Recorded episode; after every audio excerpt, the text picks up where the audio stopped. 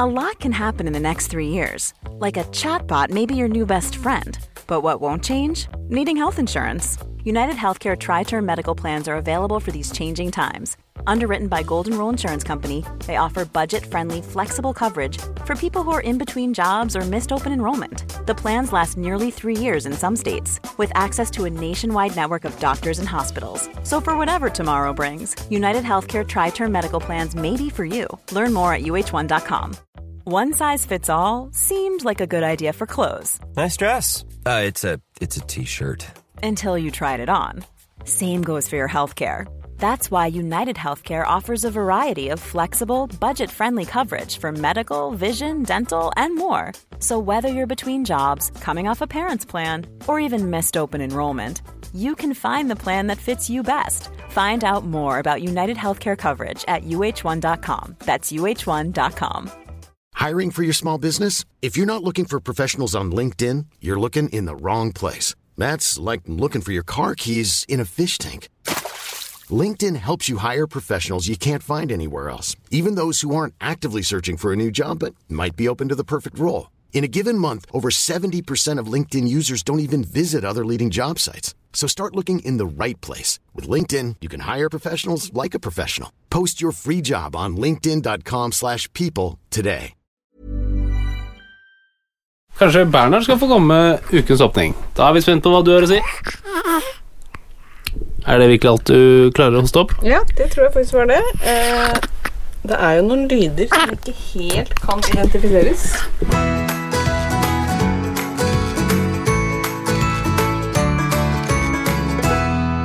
Hei og velkommen til den 40. episoden av Åpen journal. Tusen takk. 40. Wow! Ja, det er et lite jubileum. Det er et lite jubileum. Ja. Hva vil du by på av eh, ekstra krydder for å sørge for at akkurat denne episoden blir en jubileumsepisode? Det kan man jo ikke avsløre innledningsvis, annet enn at det blir overraskelser underveis. Oi! Mm, Ja. Den er veldig spent. Ja, det er jeg også. Men de fleste av oss de frykter jo nå eh, koronaviruset om dagen. Men hvor mye farligere er det egentlig enn et vanlig influensavirus? Bør vi være ekstra bekymret nå som influensasesongen snart er i gang? Og hvem bør ta influensavaksinen? Dette er noe av det vi skal snakke om i dag, når temaet er influensa. Spennende. Ja, og dagens gjest er jo en som jeg regner med at er rimelig stressa for å få influensa eller et annet virus i den kommende vintersesongen. Donald Trump. Ja, det, det kom på et ubeleilig tidspunkt for, for han, det gjorde det. Um, men eh, det ikke, vi skal ikke til Amerika. Nei. Vi skal holde oss i Norge. Vi får nemlig besøk av skiskytter Ingrid Landmark Tandrevold. Pow, pow. Endelig så er jo du friskmeldt, Harald. Frisk og frisk, men Ja. i hvert fall mye bedre. Ja, fordi du fikk jo samme virusinfeksjon som vår lille sønn Bernhard. Eh, Han var jo fem uker da han fikk en forkjølelse. Du er 30 år og ble betydelig sykere enn det han ble. Ja, Ja, det er helt normalt. Det tok mye lengre tid før du ble frisk. Eh, men jeg er jo også en skjørere person. Det er du. Men det jeg frykter nå, er jo at du eh, har jo da den siste uka hvor du og Bernhard var litt forkjøla, eh, så flyttet du ut eh, på gjesterommet Ja. i på en måte frykt for å smitte meg, da. Ja, Ja. det var hensyn til deg. Ja, ikke sant? Eh, Der fikk jo du gode, lange netter med god søvn, mens jeg har passet på Bernhard på nattestid. Og nå, eh, hver kveld, så får du liksom hosteanfall. ja. ja. Og da er det viktig at jeg ikke Ja. bor på rom hvor jeg kan smitte deg. ja, fordi jeg har jo sagt at nå syns jeg kanskje det er på tide at du flytter inn igjen, sånn at jeg kan få litt hjelp på natta. Uh, og så er du i veldig fin form på dagtid, men på, på kvelden, da setter det viruset seg i halsen, altså. Ja, det gjør det. Ja. det er veldig, og det kan være veldig skummelt. Ja. Og det, når man hoster, så spres det jo tusenvis, kanskje millioner, kanskje milliarder av viruspartikler ut. ja. Vil du sove på et rom med en slik virusinfisert bombe? Nei. Mm. Så når jeg sover på mitt eget rom om natten, så er det av hensyn til deg Tusen takk. og barna. Hvor lenge tenker du at du kommer til å måtte sove på det gjesterommet? Månedsvis. Månedsvis. Ja, men det, det Jeg tror jeg bare tar den risikoen, jeg, for jeg tenker at eh, jeg hadde nok vært smitta by now, eh, i og med at jeg lever så tett på både han og deg. Det er nok ikke så lurt. Jeg tror nok eh, det er best for alle parter at jeg sover for meg selv. Legens eh, ordre der, altså. Det er helt riktig. Noe annet som har skjedd denne uka, her er jo at vi har fått nye møbler, Harald. Det er helt riktig. Ja, Det har vi venta lenge på. De har veldig lenge på, og det som er utrolig, er at da du bestilte disse møblene for Aha. vel syv-åtte uker siden, Yes. så hadde du vel fortsatt et barn i magen. Ja, det hadde jeg. Men de er ikke akkurat laget med tanke på barn, disse møblene her. Jo, altså det, det er absolutt slitesterke stoffer jeg har gått for. Eh, fargemessig så kan jeg nok ta selvkritikk på at jeg har gått for de litt mer lysere tonene. Fordi verken Bernhard eller jeg får lov å sitte i de møblene uten at du har lagt på enten et laken eller dyntrekk. Men det er rett og slett for at de skal vare lengst mulig. Um, og så tenker jeg at uh, så mye som dere søler om dagen, han gulper, og det gjør ofte du òg, så tenker jeg at det er veldig greit for alle parter at vi bare Dere sitter på sengetrekk. Da vil jeg bare komme med et tips til alle andre som går med barn i magen. Husk at det barnet skal ut på et tidspunkt, og hvis du bestiller møbler når du er gravid, så er det en høy sannsynlighet for at også ditt kommende barn gjerne vil bruke det, eller de møblene du kjøper. Tenk litt framover. Så har jo vi vært på fjellet med din eh, familie, Ja og der eh, fikk jeg ideen til en ny spalte. Oi, nå er jeg spent. Halvard Flatlands kjøkken. Oi. For veldig mange tror jo at Halvard Flatland er en mann som overhodet ikke setter sine ben på et eh, kjøkken. Ja. Og det er faktisk helt riktig. Men han glimter til med et gourmettips her og der innimellom. Ok, nå er jeg For han kom med et lite tips som, eh, som jeg tenkte at dette er jo litt sånn Eivind Hellstrøm over. Så du tenker at det må deles Det må videre? deles. Ja. Nå er jeg veldig spent. Og det er at når du lager pasta bolognese med kjøttdeig For å få litt ekstra piff over den kjøttdeigen, så tilsetter du en pose tacokrydder. Men det gjør den veldig mye bedre. Gjør den det? Ja. Jeg skjønner Altså- ikke hvorfor du syns det er så dårlig tips. I en pasta bolognese og tilsette tacokrydder i kjøttdeigen for å få mer smak? Det blir litt mer salt, litt mer smak. Det, er, jo det- altså det hadde jo fått Eivind Hellstrøm, hvis han var død, til å snu seg i graven. Nå er jo han heldigvis i, i beste, lever i beste velgående. Det er, så han snur seg i gelendervangen sin. Ja, ikke sant. Um, men det uh, kommer til å dryppe et og annet eh, tips fra, fra Halvard Flatland fremover på kjøkkenet. Så skal du noen gang lage pasta bolognese og syns at eh, kjøttet mangler smak, tilsett en pose tacokrydder.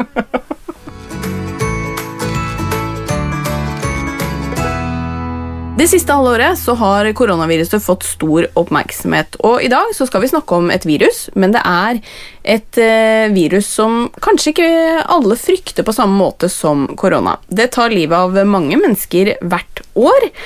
Men det har rett og slett blitt et virus som vi har blitt vant til å leve med i mye større grad enn korona.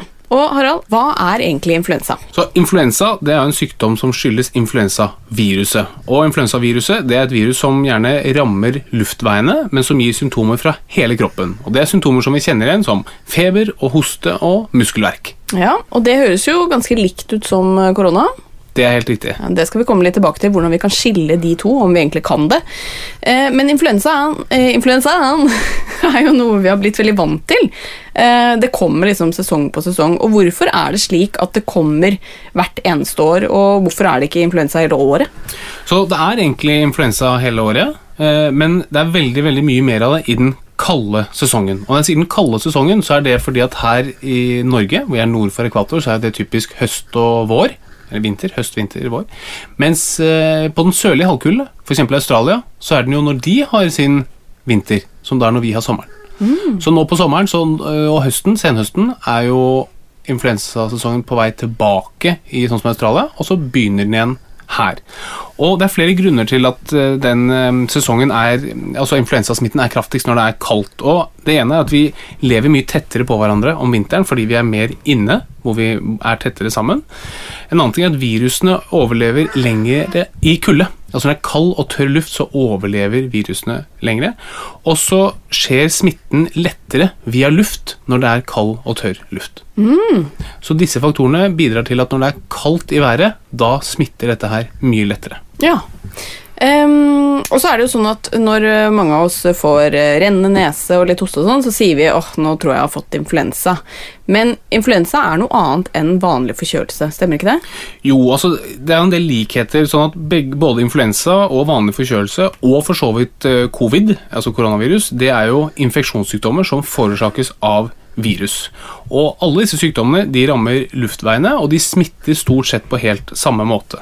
Men hvis du ser på influensa i forhold til vanlig forkjølelse, så er influensa mye mer alvorlig. Det er mye kraftigere symptomer som varer lengre, og symptomene starter gjerne mye bråere enn ved en forkjølelse. Ok, Hvor brått da? Nei, Det kan være i løpet av timer til en dag, da. oh, okay. Mens forkjølelse gjerne kommer over litt mer tid.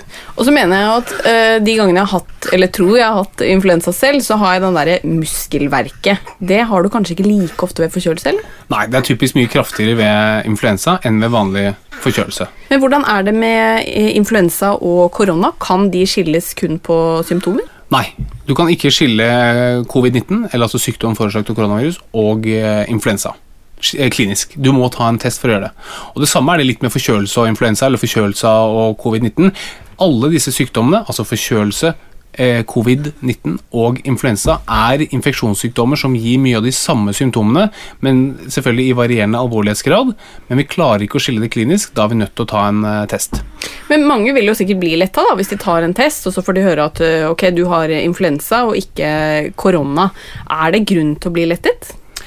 Eh, ja, det er det absolutt. Eh, det som er du kan si litt paradoksalt, er jo det at en vanlig norsk influensasesong er jo ca. tre til fire ganger mer alvorlig enn det vi til nå har sett av covid-19 i Norge. Det har vi snakket om før. Men husk på at grunnen til det er at vi har iverksatt tiltak. Altså Vi har iverksatt ekstremt strenge tiltak nå mot eh, korona, som vi ikke har vært i nærheten av å gjøre mot influensa. Vi iverksetter jo egentlig ingen tiltak for influensasesongen hvert år, annet enn eh, en vaksinering. Men hvis vi skal se litt på eh, hva du burde bli smittet av, og hva du ikke burde bli smittet av, så må vi jo se litt på tallene. da. Og det som man er veldig opptatt av, det er dødeligheten. Hvor dødelig er korona? Måten vi finner ut av hvor dødelig noe er på, det er jo å se på antall som er døde, og dele på antall som er smittet. Men det som er problemet er at vi har jo ikke oversikt over alle som er smittet. Vi har jo et antall smittet, det kan du lese på, på nettet hver eneste dag, men spørsmålet er er det mange som er smittet som ikke er testet. Og det tallet vet vi ikke. Hvis du ser på tallene i Norge, hvis du deler antall døde i Norge på antall som er bekreftet smittet i Norge, så får du en dødelighet på ca. 2% Det betyr at 1 av 50 dør hvis de smittes av koronaviruset. Og det høres ut som et høyt tall. Det er et veldig høyt tall. Men så sier jo mange at det er sannsynligvis veldig veldig mange flere som er smittet enn de som har testet seg. Og det får vi jo håpe på. Hvis det stemmer, da, blir, da går dødeligheten veldig mye ned. Fordi du kan da dele antall døde på veldig mange flere smittede. Men hvis du ser på dødeligheten blant de tallene, de offisielle tallene for verden, altså antall som er døde i verden delt på antall som er bekreftet smittet i verden, så er det oppe på en dødelighet på 3 Oi, sånn, ja ok. Mm. og også i USA så er det også rundt eh, 3 dødelighet, så det er ganske høyt. da. Men så må du se på ok, hva er dødeligheten til influensa. Og Da må du også finne ut av hvor mange er det som dør av influensa hvert år, eh, delt på hvor mange som er smittet av influensa hvert år. Og det er jo veldig relativt sett få som tester seg av de som sannsynligvis er smittet for influensa. Og det pleier vi ikke å gjøre på legekontoret heller. Vi antar bare at du er smittet av influensa, men, men tar ikke noe test. Men man kan anta en dødelighet på, av influensa på mellom 0,1 og 0,5 da. Mm. Så ut fra de tallene som finnes nå, så er jo korona fire ganger mer dødelig enn influensa, men igjen, det er mye usikkerhet rundt disse tallene. Så jeg ville mye heller vært smittet av influensa enn av korona. Nå er det jo sånn at eh, influensasesongen nærmer seg, og det betyr at man kan jo teoretisk få både korona og influensa samtidig. Eh, Hvordan er det eventuelt? Nei, Der er det gjort en eh, studie som ble publisert ganske nylig. og igjen, Dette er ferske tall, og disse studiene er ikke liksom eh, gått gjennom så nøye som man pleier å gjøre, fordi man gjerne vil ha fram tallene fort nå i disse koronatider. Men der ser det ut til at dødeligheten dobles hvis du smittes med både eh, koronavirus og influensavirus. Så det er ganske farlig. Og det stemmer nok bra. Det antar vi jo, at når du får to virussykdommer oppå hverandre, det er veldig skummelt. da. Og det er derfor vi er veldig opptatt av at man vaksinerer seg. For det fins en veldig trygg, enkel og billig måte å forsikre seg mot influensaviruset på, og det er ved å vaksinere seg. Ja, Influensavaksinen det er noe som uh, veldig mange anbefales å ta, uh, særlig i år. Og hvem er det som uh, aller først skal få den? Så det man har gjort, altså Norge har fått tak i 1,2 millioner influensavaksiner, og i tillegg så har apotekene kjøpt inn egne influensavaksiner. For det som er nytt av året, er at du nå kan få satt influensavaksinen på apotek uten å ha vært innom lege først. Altså apotekansatte, farmasøyter, får lov til å rekvirere influensavaksinen. Men det som anbefales, de som anbefales å ta influensavaksinen i Norge, det er totalt 1,9 millioner mennesker. 1,6 millioner av disse er personer i risikogrupper, altså som er utsatt for mer alvorlig sykdom og død ved influensavirus. Og det er alle som er over 65 år. Det er gravide i andre og tredje del av svangerskapet, og det er alle voksne og barn som har kroniske sykdommer, som diabetes eller høyt blodtrykk, astma osv. Så, videre. så det er 1,6 millioner. Så er det ca. 300 000 som jobber tett på syke mennesker, altså særlig ansatte i helsevesenet, som også anbefales å ta vaksinen. Så da har vi altså 1,9 millioner mennesker som anbefales å ta vaksinen og så har vi bare 1,2 millioner vaksiner. Mm. Så det myndighetene har gjort, de har sagt at nå får ingen lov å vaksinere seg annet enn risikogruppene og disse som jobber da i helsevesenet og tett på sårbare grupper, før 1.12. Mm. Men er du en av disse, enten over 65, har kronisk sykdom, er gravid i andre eller tredje del av svangerskapet, så bør du ta influensavaksinen.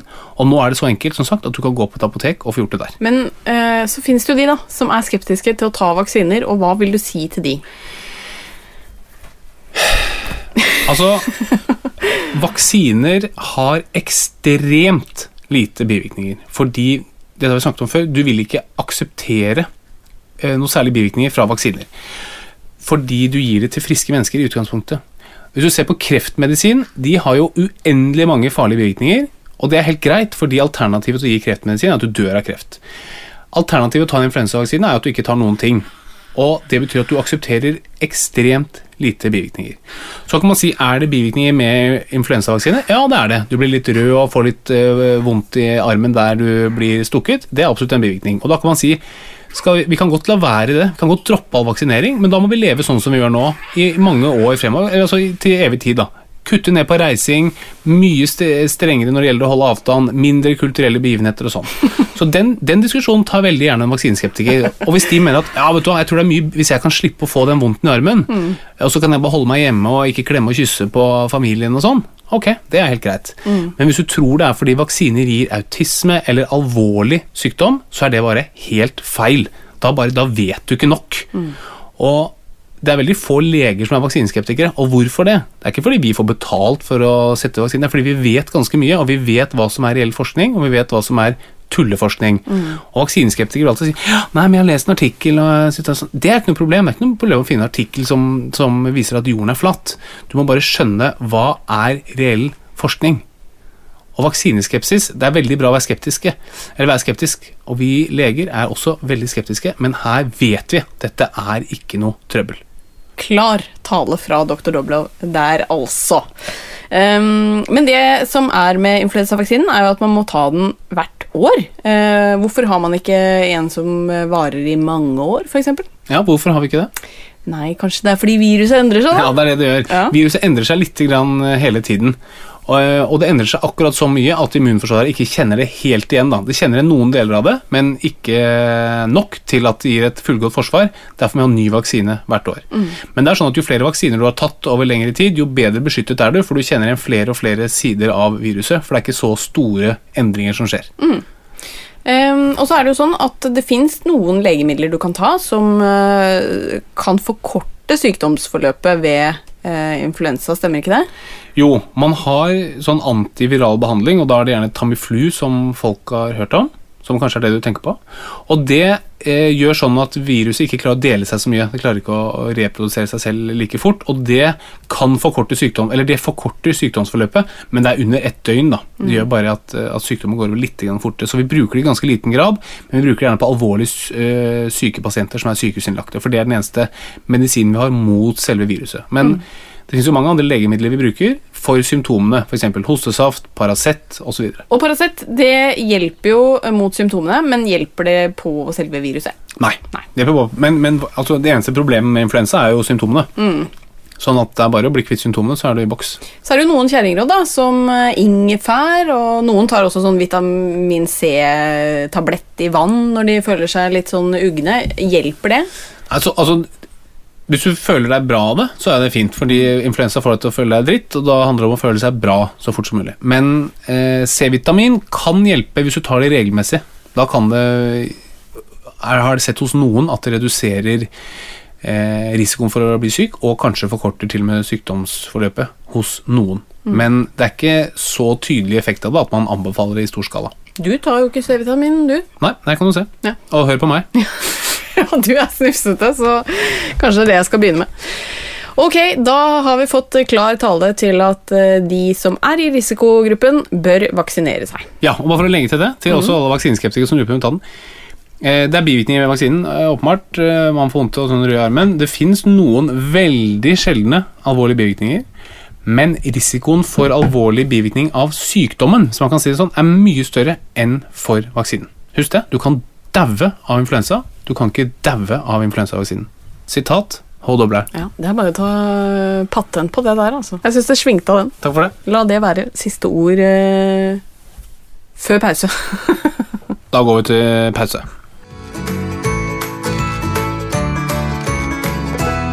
På vår Instagram-konto Åpen journal så er det veldig hyggelig at dere sender inn lytterspørsmål. Og denne uken så er det en som lurer på følgende. Hva er forskjellen på det å havne i koma og det å bli lagt i kunstig koma? Ja, Koma betyr egentlig bare bevisstløshet. Og bevisstløshet er at du ikke lar deg vekke. Uansett hvor høyt man skriker til deg eller man prøver å smertestimulere deg, så lar du deg ikke vekke. Det er å ligge i koma. Og hvis du får alvorlige skader, f.eks. alvorlige hodeskader, så går man i koma. Det betyr at kroppen lar seg ikke vekke, for du har så store skader på hjernen f.eks.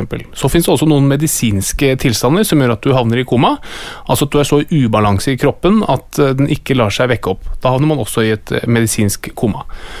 Når det gjelder å legge folk i koma, så er det noe vi leger gjør eh, innimellom. Og det er gjerne for å få til én av to ting. Det ene er f.eks. operasjoner, hvor du vil at folk ikke skal våkne opp under operasjonen og ikke skal kjenne smerte. Eh, Og det andre er hvis du tenker at eh, organene skal få lov til å hvile litt, for å si det enkelt. Da hender det at vi legger folk i kunstig koma, sånn at kroppen får lov til å hvile og bare komme til seg selv før man utsetter kroppen for ytre stimulus. Som vanlig godt forklart. Klart.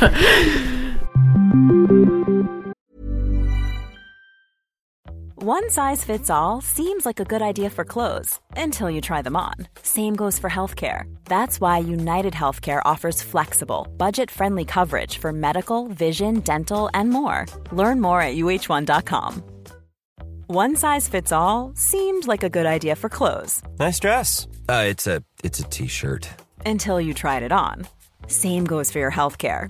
That's why United Healthcare offers a variety of flexible, budget friendly coverage for medical, vision, dental, and more. So, whether you're between jobs, coming off a parent's plan, or even missed open enrollment, you can find the plan that fits you best. Find out more about United Healthcare coverage at uh1.com. That's uh1.com. Hey, it's Ryan Reynolds, and I'm here with Keith, co star of my upcoming film, If, only in theaters, May 17th. Do you want to tell people the big news? All right, I'll do it. Sign up now and you'll get unlimited for $15 a month in six months of Paramount Plus Essential Plan on us. Mintmobile.com slash switch. Upfront payment of $45 equivalent to $15 per month. Unlimited over 40 gigabytes per month. Face lower speeds. Videos at 480p. Active Mint customers by 531.24 get six months of Paramount Plus Essential Plan. Auto renews after six months. Offer ends May 31st, 2024. Separate Paramount Plus registration required. Terms and conditions apply if rated PG.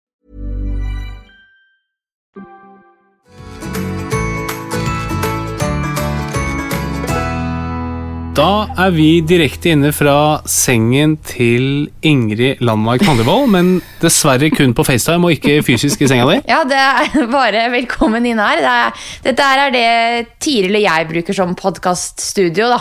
Så profesjonelle som vi er. Men uh, jeg har jo hørt at dere hørte på den, uh, den barselspodkasten deres at dere var veldig opptatt av lyd.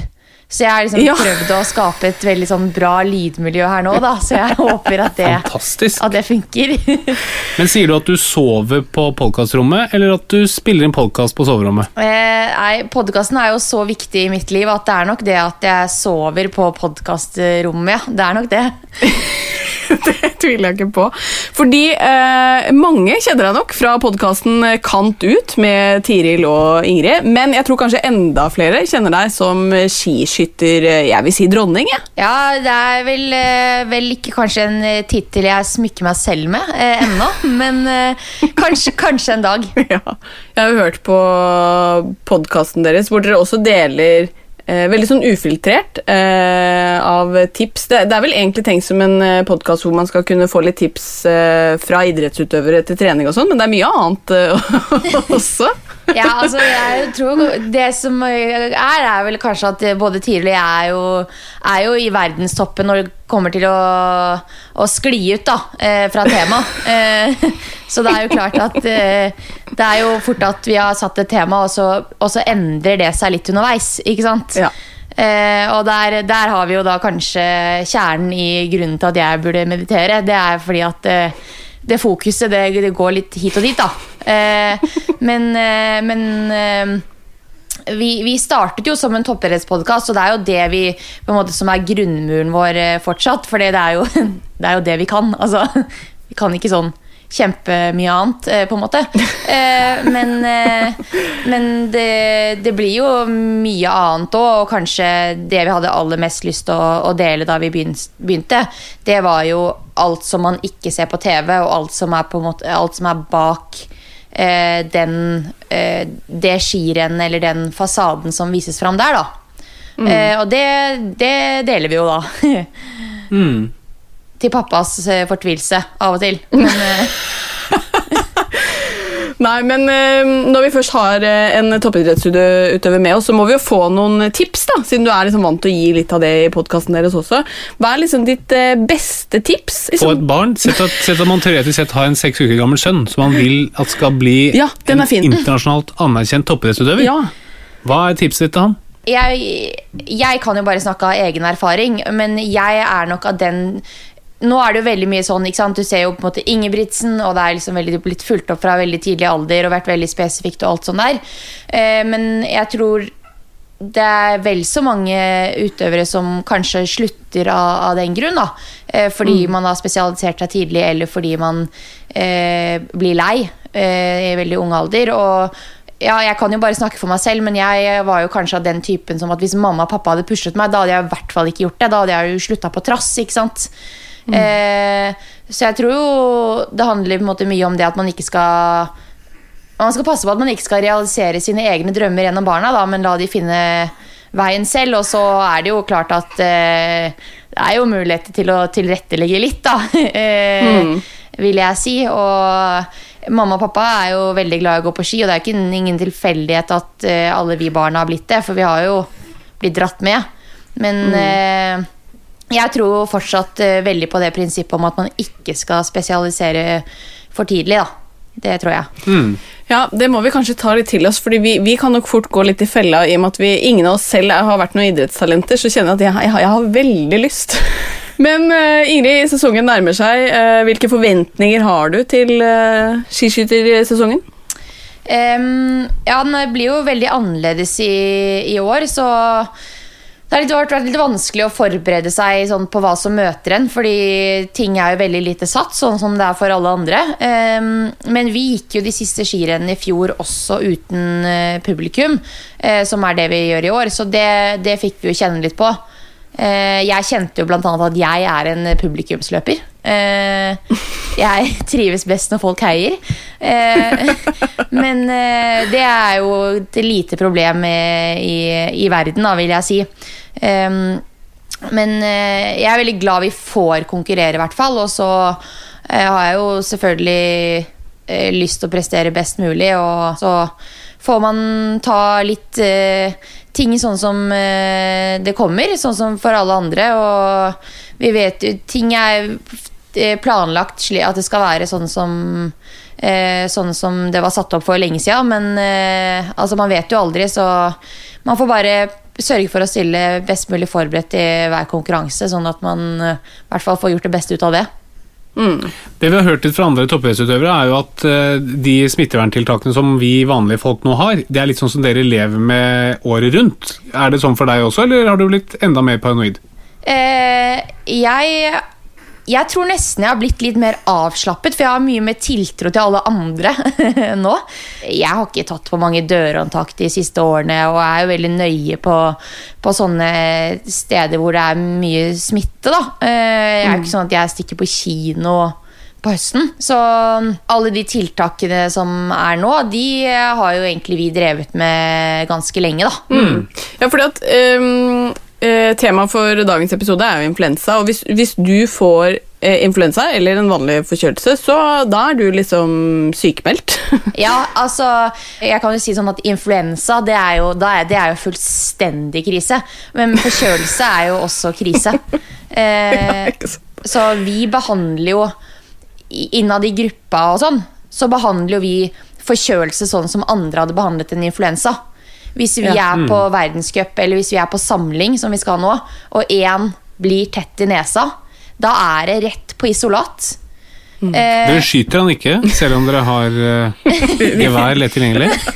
Eh, nei, det er, men det er ikke langt unna, fordi det, det, det er jo livsfarlige greier. Eh, Men vaksinerer du deg? jeg vaksinerer meg, ja. Bra. Eh, det gjør vi alle sammen. Alle utøverne og alle i støtteapparatet. Eh, alt fra fysioterapeuter til trenere til eh, smørere og alle som er med, eh, blir vaksinert eh, hvert år. Eh, og det er på en måte en sånn eh, Det er vi pålagt å, å gjøre, da. Én ting er for sin egen del, men også for eh, alle andre. Så der er vi veldig yes. nøye. Og så hørte jeg at um, var det forrige uke, eller i hvert fall i forrige pod, så hadde Tiril flytta hjem til sine foreldre fordi kjæresten hadde blitt litt snufsete. Hadde du liksom gjort det samme? Eh, ja, ja. Eh, altså Én ting er kanskje litt sånn på våren, og da eh, Da hadde nok jeg kanskje ikke flyttet eh, hjem. Men hadde det skjedd nå, som er såpass tett opp til sesong, så hadde jeg eh, flyttet hjem. Eller så måtte da kjæresten min flyttet et annet sted, da. Det, Jeg tenker det er mer naturlig at du hadde flytta ut. det kommer litt an på hvor på måte, vi er, hvor eh, landet ligger i vårt forhold akkurat da. Hvem som på en måte må eh, gi og ta der, da. Ja, Så- Men hvordan er det med kyss, klapp og klem da, med kjæresten rundt i opptakene til sesongen? Er det totalt eh, fraværende? Ikke noe, er Eh, du liksom forsiktig med det? Der vil jeg faktisk si at det er, eh, det er jeg som blir avvist. Eh, Å, ja, fordi- Hele året, eller kun i sesong? Hele året, dessverre. Nei, eh, når det er kritisk, når det er sant, inn mot en, noen konkurranser eller sånn, så er jo Jeg tror kanskje hans frykt for å smitte meg med noe er større enn min frykt for å bli syk. Eh, og det tror jeg er todelt. Det ene er jo at han vil, vet jo på en måte hvor hardt jeg jobber og vil jo gjerne at jeg skal få konkurrert og prestere og, og få ut det eh, jeg forhåpentligvis er god for. Men det andre tror jeg også er litt at eh, mitt humør, da, eh, hvis jeg blir syk, det er jo ikke bare solskinn da. Det er ikke lett å puste med magen og drive med meditasjon hvis du har en illsint gonoré i buksene.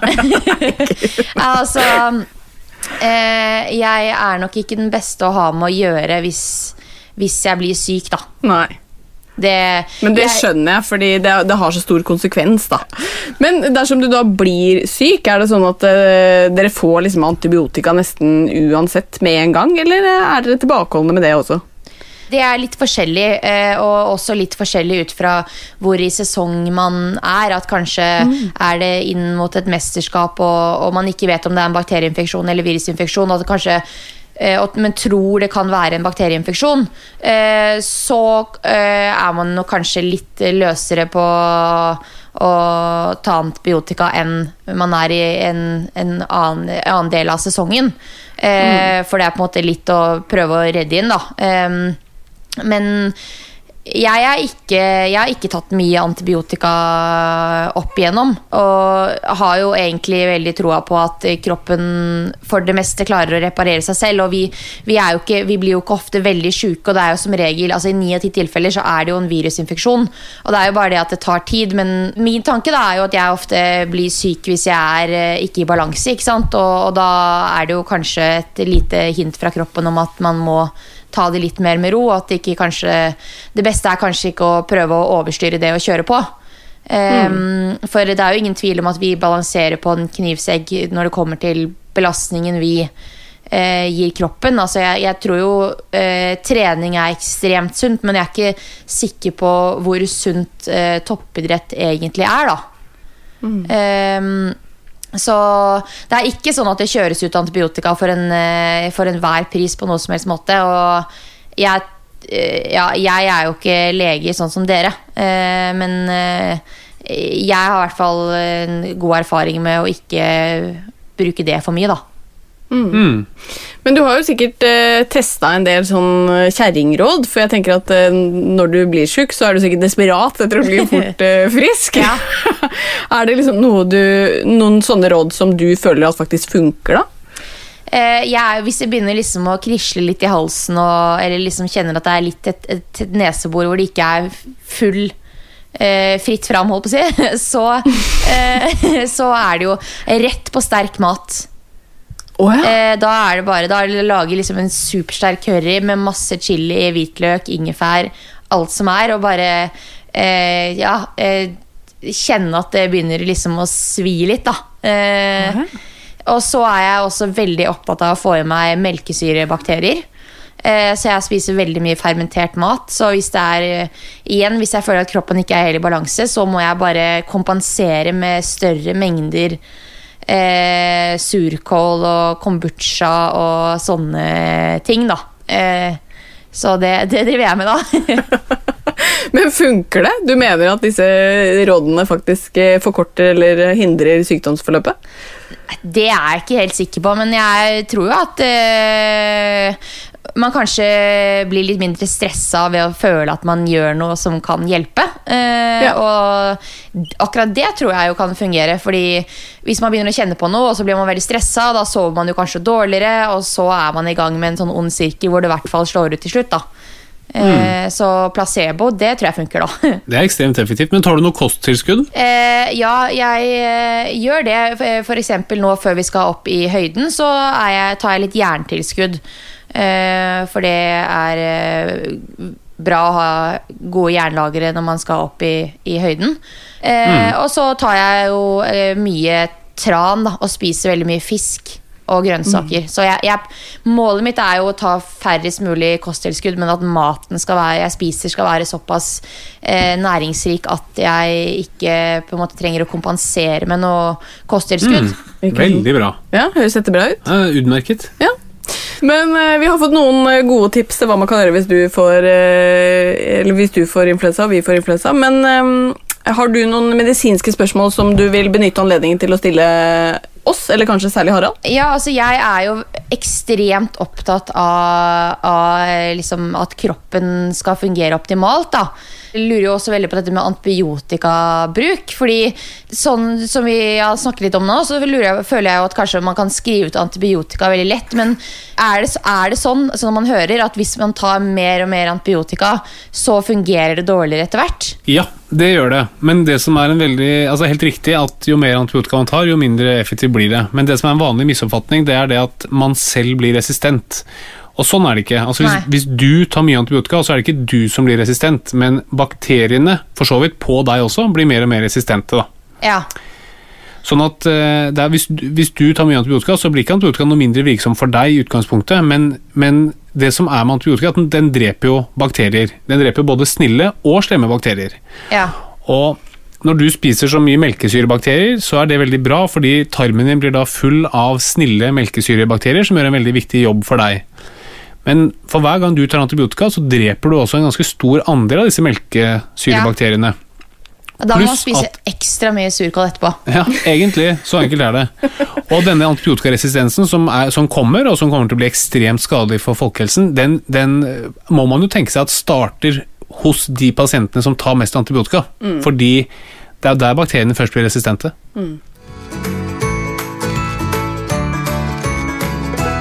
Vi har en annonsør denne uken, og det er lekekassen.no. Og dersom du er en av de som føler at du bruker bitte litt for mye tid foran PC-skjermen eller på mobilen, eller kanskje du som Harald og meg hver eneste kveld ender opp med en serie på Netflix, ja, da tenker jeg at du burde følge med nå.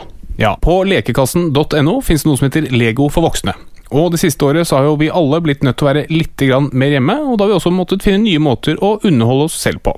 Og Dette konseptet til Lego går ut på at man kan bygge alt fra bilder til biler og slott, og faktisk kan du bygge hjemmestadion til mitt favorittlag, nemlig Old Trafford. Men vi har jo eh, nå prøvd Lego for voksne i en eh, ukes eh, tid, hvor vi da har begynt å bygge et bilde av selveste John Lennon. Vi har da skjenka oss noe godt i glasset, tent noen lys og bygget i vei, og lekekassen.no de kan jo skilte med Norges beste utvalg av Lego, lave priser og lynrask levering, men det de ikke annonserer med, er jo at de faktisk også bidrar til parterapi, Harald. Ja, jeg må si at eh, når vi først har byttet ut eh, vår eh, tidligere kveldsaktivitet med noe, så er jeg veldig glad for at det har blitt Lego. Ja, men altså fra spøk til alvor, i en hektisk hverdag så føler jo begge vi egentlig at det er så veldig lett å havne foran TV-en, og at man da ikke får helt sånn muligheten til å snakke sammen. Og over Legoen eh, nå så syns jeg at vi har fått prata om både det ene og det andre. Det er helt riktig, men enda bedre, hvis du blir lei av å prate med kona, så finnes det egne soundtrack du kan høre på som passer til bildet du sitter og bygger.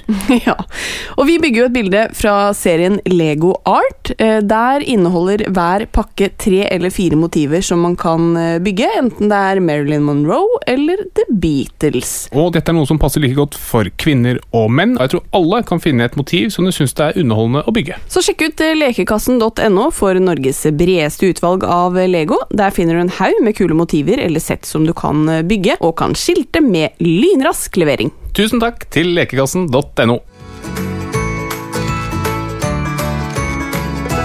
Men øh, jeg tenker at vi skal bevege oss over i quizen, for jeg er veldig nysgjerrig på hvor god Ingrid er i, i medisinsk eh, quiz. Hva tror du selv? Eh, jeg tror eh, ikke jeg er så stødig der, altså, for jeg, jeg har googla en del. da Det har jeg. Jeg har jo, altså, har jo googla på meg de fleste sykdommer, men eh, jeg har ikke lest så mye mer enn på en måte scrolla gjennom symptomer på ting. Ja, Det er litt samme som deg, det, Katrine. ja det er litt samme som meg. veldig festlig. Nei, men Bra. Er dere klare for quiz? Ja. Veldig bra. Vi skal faktisk innom litt russisk helsevesen. Det er mange spørsmål, det er lite tull, for jeg har fått så mye kjeft. Så, ja. Og to vinnerskaller, så her er vi liksom eh, prøve å få gjort dette litt ordentlig. Yes. Vi starter med første spørsmål til deg, Ingrid. Er det som er naturlig, bra for deg? Er, er det et lurespørsmål? Ja, det Nei, altså Alt som er naturlig. Man, ikke sant? Det er jo naturlige ingredienser eller bygd på naturlig opphav. Nei, Ja, er- alt som er naturlig, er jo ikke bra for deg. Hvis du blir bitt av en hoggorm, så er jo det et naturlig å få et hoggorm Altså, det er jo naturlig, den giften, men det er jo ikke bra for deg. Eller? Ok? okay. Ja, jeg, jeg vil også si at alt som er naturlig, er jo ikke bra for deg. Nei? Nei. Ok, bra. Neste spørsmål. Ja, Vi fikk poeng, eller? Ja, dette er et sånt drøftespørsmål, da. Så setter litt ja. standard for de neste Ok. Neste, neste spørsmål. Er vaksiner naturlig, Ingrid? Ja. Ja, Katarina? det vil jeg også si, ja. Ja. Nei. Vaksiner er ikke naturlig. Ja, Men har man ikke da sprøyta inn et eller annet i f.eks. en gris, og så har grisen laget et eller annet, og så tar du det ut igjen? Ja, men det er ikke naturlig. Altså Når man snakker om naturlige ingredienser i en matrett, eksempel, så er det gjerne ting som ikke er prosessert eller gjort noe med. ja. Men det var liksom poenget her, og som, men dere tok noe, ikke sant, for det er så glupe. Ja, veldig. Det er det at det er veldig mye som er naturlig, som er farlig. Mens mange vil si at nei, vaksiner er ikke bra for deg, for det er ikke naturlig. Ah, Ikke så det, dette var for å lære folk Dette var for å lære Ja. folk og dere. For mitt neste spørsmål er er kreft naturlig? Ingrid? ja. Katarina? Ja. ja. Kreft er helt naturlig. Ja. Ok, da Ja, har vi altså, liksom satt Ingrid ser ut som Så Stort konklusjonen er egentlig her nå at eh, alt som er naturlig, er ikke nødvendigvis bra for deg. Helt riktig. Ja. Og motsatt. Alt som ikke er naturlig Altså Selv om det ikke er naturlig, betyr ikke at det ikke er bra for deg. Utrolig kreft- pedagogisk eh, quiz. Tusen Jeg vet det. Tusen takk. er, prøv å leve med det der, liksom. Alt skal være sånn pedagogisk forklart. La oss se hvordan det har gått. Ok, Neste spørsmål. Da starter vi med, med også for så vidt deg nå, Ingrid. Når vi lager en vaksine, hvilken egenskap eller hvilke egenskaper må en vaksine ha? Og jeg kan si at det er kun to egenskaper en vaksine må ha. Hvilke to er det? Eh, hvilke egenskaper den må ha? Den, den må jo ikke drepe deg, da. Yes, det er én ting. Og den andre tingen Eh, ja, og Den andre må jo være at den må vise at den faktisk funker til Altså ikke 100% men den må da funke på noe. Du kan jo ikke bare lage en som ikke Bare for å tjene penger. Ok, Katarina. Ja, jeg tror Ingrid har helt rett svar. At den må drepe Den må ikke drepe liksom verten, men den må drepe bakterien eller virusen. Ja, så er det egentlig bare to ting en vaksine må gjøre. Den må beskytte mot sykdom, og så må den ikke gi noen alvorlige bivirkninger. Akkurat det vi sa. egentlig. Så dere var for så vidt eh. Så er det for likt. Det likte likt, Ja. Neste spørsmål kan være litt vanskelig, derfor starter vi med Stud med Flatland. Før en vaksine kan selges, så må det gjennom en del kliniske studier, Ja. som deles inn i faser. Ja. Hvor mange faser må vaksiner gjennom før de kan selges? Fem. Ingrid, Jeg, jeg, jeg føler jeg må Jeg sier fem, jeg òg, for jeg stoler på at uh, Katarina vet det. Det det ville jeg aldri gjort, for svaret er tre. Du mener om tre faser. Jeg har kanskje hørt om fase 1-studier, fase 2 og fase 3. Neste spørsmål. Starter med deg, Ingrid. Da Russland lanserte sin covid-19-vaksine, Sputnik V, hadde den da vært gjennom alle fasene? Nei. Jeg svarer også nei. Det er helt riktig. Bare to? Den har bare vært gjennom to. Den har vært testet på 76 personer. Oi, det er ingenting. Ikke sant? Fase 3 er typisk sånn titalls tusen. Ja. Neste spørsmål starter med deg, Ingrid. Hvis én av hundre får en bivirkning av en medisin, sier man da at den bivirkningen er vanlig, mindre vanlig, sjelden eller svært sjelden? Enten vanlig eller mindre vanlig. Jeg tipper eh, mindre vanlig. Jeg sier vanlig. Vanlig er helt riktig. Yes! Så hvis én av hundre får bivirkning, det er ganske lite, ikke sant? det er 1% det kaller man en vanlig bivirkning. Ja. Tenk litt på det. Der tok jeg et Men eh, jeg viktig poeng. føler eh, Jeg tror alle føler at selvfølgelig er det jeg som er den ene prosenten som får den bivirkningen. Det er sant. Det kan du si. Men, det, men eh, det betyr at hvis du da har testet den på 76 personer, har du da avdekket alle bivirkninger, tror du? Nei. Sannsynligvis ikke. Veldig pedagogisk spurt. Tusen takk for det. Ja. Da er vi til deg, Ingrid. Hvorfor heter den russiske vaksinen Sputnik V? Det er eh, fordi Sputnik eh, er eh, noe positivt. Så de tenker at det gir et godt renommé til den vaksinen. Katarina? Ja, jeg tror Sputnik betyr redning. Dere er inne på at Sputnik var den første satellitten som kom i bane rundt jorden.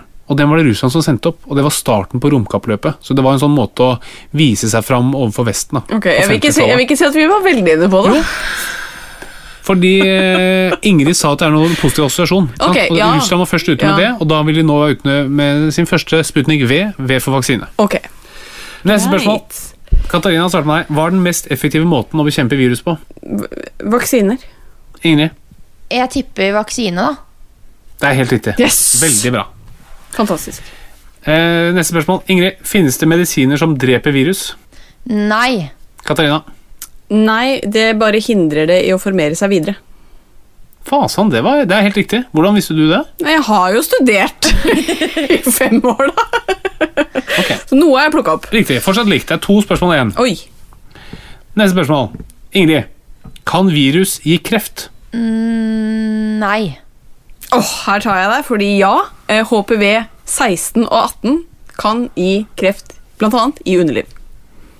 Ja, det er, livmor, det er helt riktig. Altså, virus kan gi kreft. For eksempel livmorhalsprogrammet. Altså den um, HPV-vaksinen. ja, HPV-vaksinen. Har du hørt om den, Ingrid? Ja. Ja, det er, det er fordi den, eh, man vil drepe det viruset, fordi det kan gi kreft i livmorhalsen. Ikke sant. Det, der, der holdt ikke gulinga mi lenger. Nei, men det holdt jo overraskende lenge, da. Ja, det holdt veldig lenge. Og på siste spørsmål kan det jo da bli likt. Det kan bli likt. Ja. Da starter vi med deg, Katarina. Ok. Kan man motta healing når man er koronasyk? Ja, det kan du jo motta. Ok. Ingrid? Eh, ja, man kan motta det, men eh, jeg tror ikke det funker. Ja, altså Svaret er at eh, du kan eh, både motta og gi det, men ifølge Norsk Spiritualistforening i to år, så må det være fjernhealing eller telefonhealing. Men man kan motta det. Er det seriøst? Ja. Ok. Så det ble, det ble faktisk en du vant med ett poeng. Ja da, ja da, ja da! Ja, det var fortjent. Ja, det var faktisk sterkt levert av meg i dag, Ja, det var være helt ærlig. Men man kommer ganske langt med googling, syns jeg. Ja, det syns jeg også. Ja, jeg hadde jo også et par Jeg skal jo innrømme at jeg hadde et par ganger hvor jeg bare herma til Katarina. Eh, men eh, det ene Det var, var det, det var vel de spørsmålene du hadde feil på. ja. eh, Akkurat, så jeg skylder på det.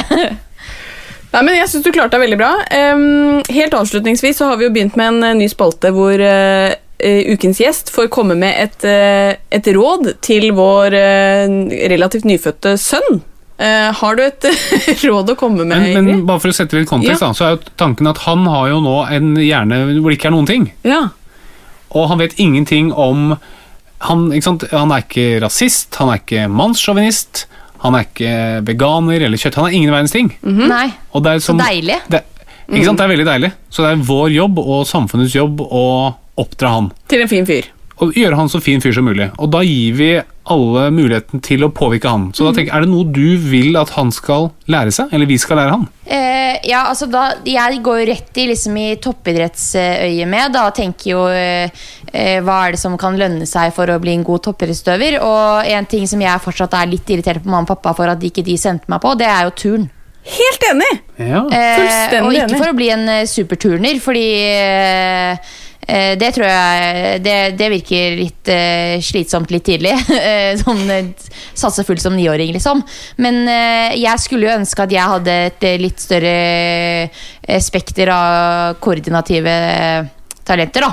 Eh, som jeg tror man kan lære seg ganske tidlig, eller lett, i ung alder. Så mm, send ham på turen. Ja, men det tar vi med oss. Det, ingen av verken du eller jeg har vel gått på tur. Nei. Og se hvordan det gikk med oss. Nærmest har vært er hørt den nyeste låta til Tina Turner. Å, herregud. Sorry, Ingrid. Men eh, det syns jeg var et strålende tips. Eh, tusen hjertelig takk for at du eh, var med og tok deg tid til det. Og så må du ha lykke til på samling, og ikke minst med skiskyting skiskyttersesongen. Hva sier man? Skiskyting. Skiskytingen. Kikking. Nei, tusen, tusen hjertelig takk. Det var veldig hyggelig å være med. Og jeg får eh, Jeg har jo eh, fortsatt eh, garantert ganske mange spørsmål som, som dukker opp nå etterpå. Ikke sant? Når jeg, etter jeg har vært litt sånn stressa for at jeg skulle få lyden til å funke og sånn. Eh, Så jeg får bare sende det på melding, jeg, da. Så Det er det bare å gjøre. Ja. Nå har du nummeret, nå er det bare å ringe og sende melding underveis, så skal vi hjelpe til så godt vi kan. ja, det er godt å høre. Og vi er tilbake neste uke. Ha det! Ha det! Plan B. Even when we're on a budget, we still deserve nice things. Quince is a place to scoop up stunning high-end goods for 50 to 80% less than similar brands. They have buttery soft cashmere sweaters starting at $50, luxurious Italian leather bags, and so much more. Plus, Quince only works with factories that use safe, ethical, and responsible manufacturing. Get the high-end goods you'll love without the high price tag with Quince. Go to quince.com slash style for free shipping and 365-day returns. Mom deserves the best, and there's no better place to shop for Mother's Day than Whole Foods Market. They're your destination for unbeatable savings, from premium gifts to show-stopping flowers and irresistible desserts. Start by saving 33% with Prime on all body care and candles. Then get a 15-stem bunch of tulips for just $9.99 each with Prime. Round out Mom's menu with festive rosé, irresistible berry chantilly cake, and more special treats. Come celebrate Mother's Day at Whole Foods Market. Imagine the softest sheets you've ever felt. Now imagine them getting even softer over time. That's what you'll feel with Bowl and Branch's organic cotton sheets. In a recent customer survey, 96% replied that Bowl and Branch sheets get softer with every wash. Start getting your best night's sleep in these sheets that get softer and softer for years to come. Try their sheets with a 30-night guarantee. Plus, get 15% off your first order at bowlandbranch.com. Code BUTTERY. Exclusions apply. See site for details.